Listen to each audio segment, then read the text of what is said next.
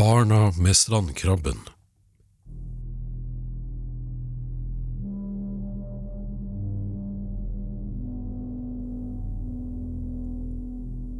Om den historien du nå skal få høre er sann, det er det bare du som hører den som avgjør.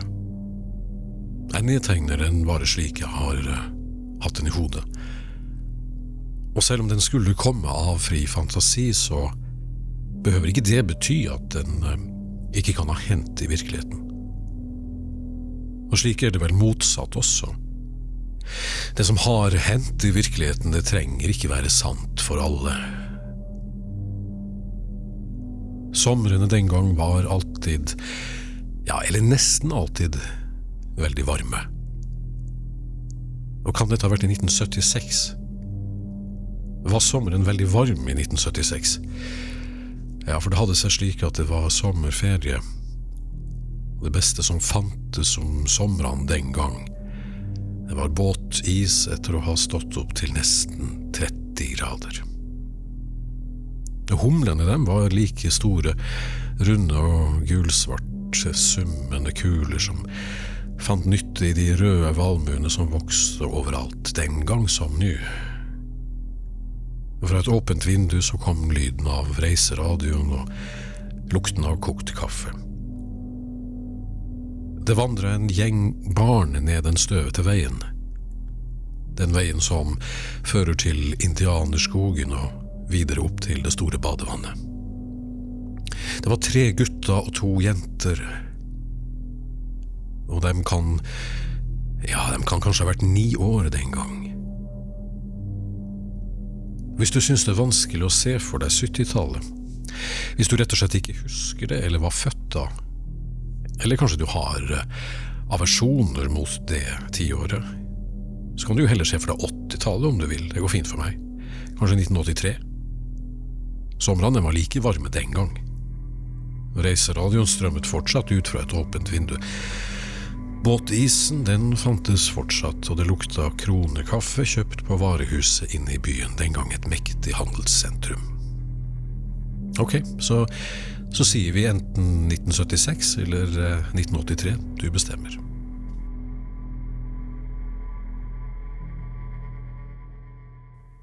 Strandkrabber kan da ikke snakke, sa jenta med det lyse, flette håret der de gikk langs den støvete og varme landeveien, barnegjengen. Hun sa det egentlig mer av gammel vane. Jo, det kan dem, svarte han, den tynne gutten med den blå shortsen. Like mye av gammel vane, han også. Men de hadde slutta å diskutere saken. Alle var ni år, og anså seg ferdig med barnslige diskusjoner. Og de hadde for lengst latt ham få være i fred med troen på at strandkrabber kunne snakke. Han var en del av gjengen, innvia i indianerskogens hemmeligheter og uutgrunnelige lyder når varme sommerdager ble kveld, ja, han på lik linje med de fire andre. For det var denne strandkrabben han alltid gikk rundt og bar på. Ingen kunne riktig huske når han hadde putta den oppi glasset. Det begynte å bli en stund siden nå. Han hadde den i et uh, lite norgesglass, og han mata den med meitemark, ei og annen flue, marflo som han fanga ved Fjæresjø, og maiskorn. Og den hadde levd lenge i dette norgesglasset, denne krabben og han bytta ofte vann i glasset, friskt sjøvann som krabben lot til å trives godt i. Hadde han hatt en, et år? Et helt år? Kanskje det, siden forrige sommer. Antakelig så hadde han det. Og han hadde sagt at den kunne snakke. Den hadde stått der grågrønn og med klørne pekende framover på kanten av et lavt svaberg, og den hadde snakka. Ja, hva sa den da, hva sa den? hadde de mast knisende. Jeg har jo fortalt det mange ganger. Den sa at jeg kunne ta den, for en gang kom det kanskje til å bli bruk for den, hadde han svart. Men denne diskusjonen var de ferdige med. Og de hadde ikke kommet noen vei med innvendinger, han var like lavmælt påståelig. Og så hadde det skjedd som ofte skjer blant barn, påstått snakkende krabber blir akseptert. og han, den skranglete gutten, fikk vandre i fred med norgesklasse der krabben bodde. Og nå gikk de langs den eh, støve, rykende veikanten der ryllikene var varme og ga fra seg oljeaktig damp i morgensola. To jenter med hver sin bastkurv, to gutter med en ødelagt radio som skulle undersøkes for hemmeligheter, og bakerst en gutt med et norgesglass med vann i. Dette var eh, en av disse somrene da hersene var fulle av nyslått gress fra dagen før. Det øverste gresslaget hadde allerede tørka og blitt brunt, og dypere ned på hesjetrådene så hang gresset grønt og saftig. Og det kom til å bli en god vinter for sauene. Alt dette feite gresset skulle legges på låver og bli til det beste vinterfòret du kan tenke deg. Ja, det vil si for de av sauene som overlevde sommeren og høsten. Ved fjellkanten akkurat der lyngrabbene tok av, så hadde bøndene funnet flere kadavere.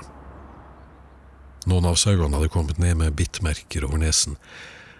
Det var ikke vanskelig å se at de hadde møtt bjørn. Viltforvalteren, en mann i slutten av 50-årene med bukseseler og gråsprengt bart, han satt på kontoret sitt. Jaktlaget har vært ute i dagevis, men ingen har sett dyret, ikke et spor, ikke en lort, sa han og pekte på et kart som hang på veggen. Mannen som satt i stolen foran ham, var svett i nakken. Ja, det der syns jeg er merkelig, sa han. Han hadde sauene sine oppe i fjellet, og allerede så tidlig på sommeren så hadde gjeterhundene funnet fem lam. Maltrakterte og halvspiste, fluebefengte lå de med gapende mager. Ja, du kjenner jo jaktlaget, de gjør sitt beste, sa viltforvalteren og flytta på papiret med fellingstillatelsen. Ja, det håper jeg du har rett i, og med denne varme sommeren så kommer det lite bær, alt tørker jo vekk, hvor du tror da bamsen trekker? Svarte bonden. Hvem sitt ansvar tror du da det blir? fortsatte han da, tørka den svette nakken og gikk. Han hadde håpa på enda et jaktlag, men viltforvalteren hadde sagt et endelig nei, det fikk klare seg med ett. Indianerskoger. Smak på ordet. Du kjenner dem sikkert, der de står omslynga av kratt og tette bringebærkjerrer. Kanskje et gammelt bilvrak og en hustuft. Og de var visst kommet dit, disse ungene. Og så langt vet vi at historien kan være sann. De hadde svidd leggene på brenneslebuskene, ja, for du måtte alltid forsere brennesler på vei inn i det aller helligste, den åpne plassen inne i indianerskogen. Jenta med flettehår og jenta med de skrå øynene hadde tent bål. Guttene pusla rundt en stor stokk som kunne bli del av en flåte, og dette var på 70-tallet, der alle gutter måpende fulgte TV-bildene fra Thor Heyerdahls aller siste bragder på havet. Eller kanskje dette var på 80-tallet, da Ragnar Thorseth seilte ishavet med Saga Siglar. Og på bålet så skulle de lage seg havregrøt til middag. Men hva som videre skjedde, er ikke godt å si.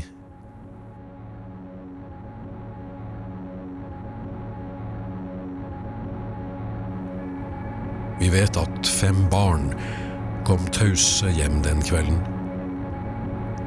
I fem familier ble det spist kneippbrød med sukker og smør på til kvelds. Det gjorde man slike somre. Og de holdt sammen resten av livet, disse fem. De snakket aldri om det som hadde skjedd, annet enn én en eneste setning som kom 27 år etterpå. Hvem som til slutt hadde snakka, det vet vi ikke sikkert. Kan det ha vært jenta med flettehåret? Gutten med de stripete joggeskoene? Men vi vet noe om et brunsvart, pustende dyr som plutselig sto på to ved de knusktørre bringebærbuskene de dypt mørke øynene som sto festa på målet, uten å blunke. Vi kjenner den stramme dunsten av dyret som brått og uten en lyd. For når det er alvor, så skjer det alltid uten lyd. Løfta klørne på høyre framfot, og med venstre bakfot kom til å skubbe til et norgesglass som sto lent mot en trerot. Og sagnet, for kanskje dette er et sagn, sier at Det ble sagt noe da glasset velta. Bjørnelabben som ble senka. Og vi kjenner beskrivelsen av den korte, knasende lyden da noe ble spist.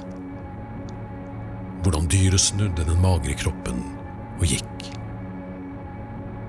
Men ingen vil si hvem som snakka, eller hva det var som ble sagt. Ikke en levende sjel av de fem. For ingen vil jo tro på det som skjedde, likevel.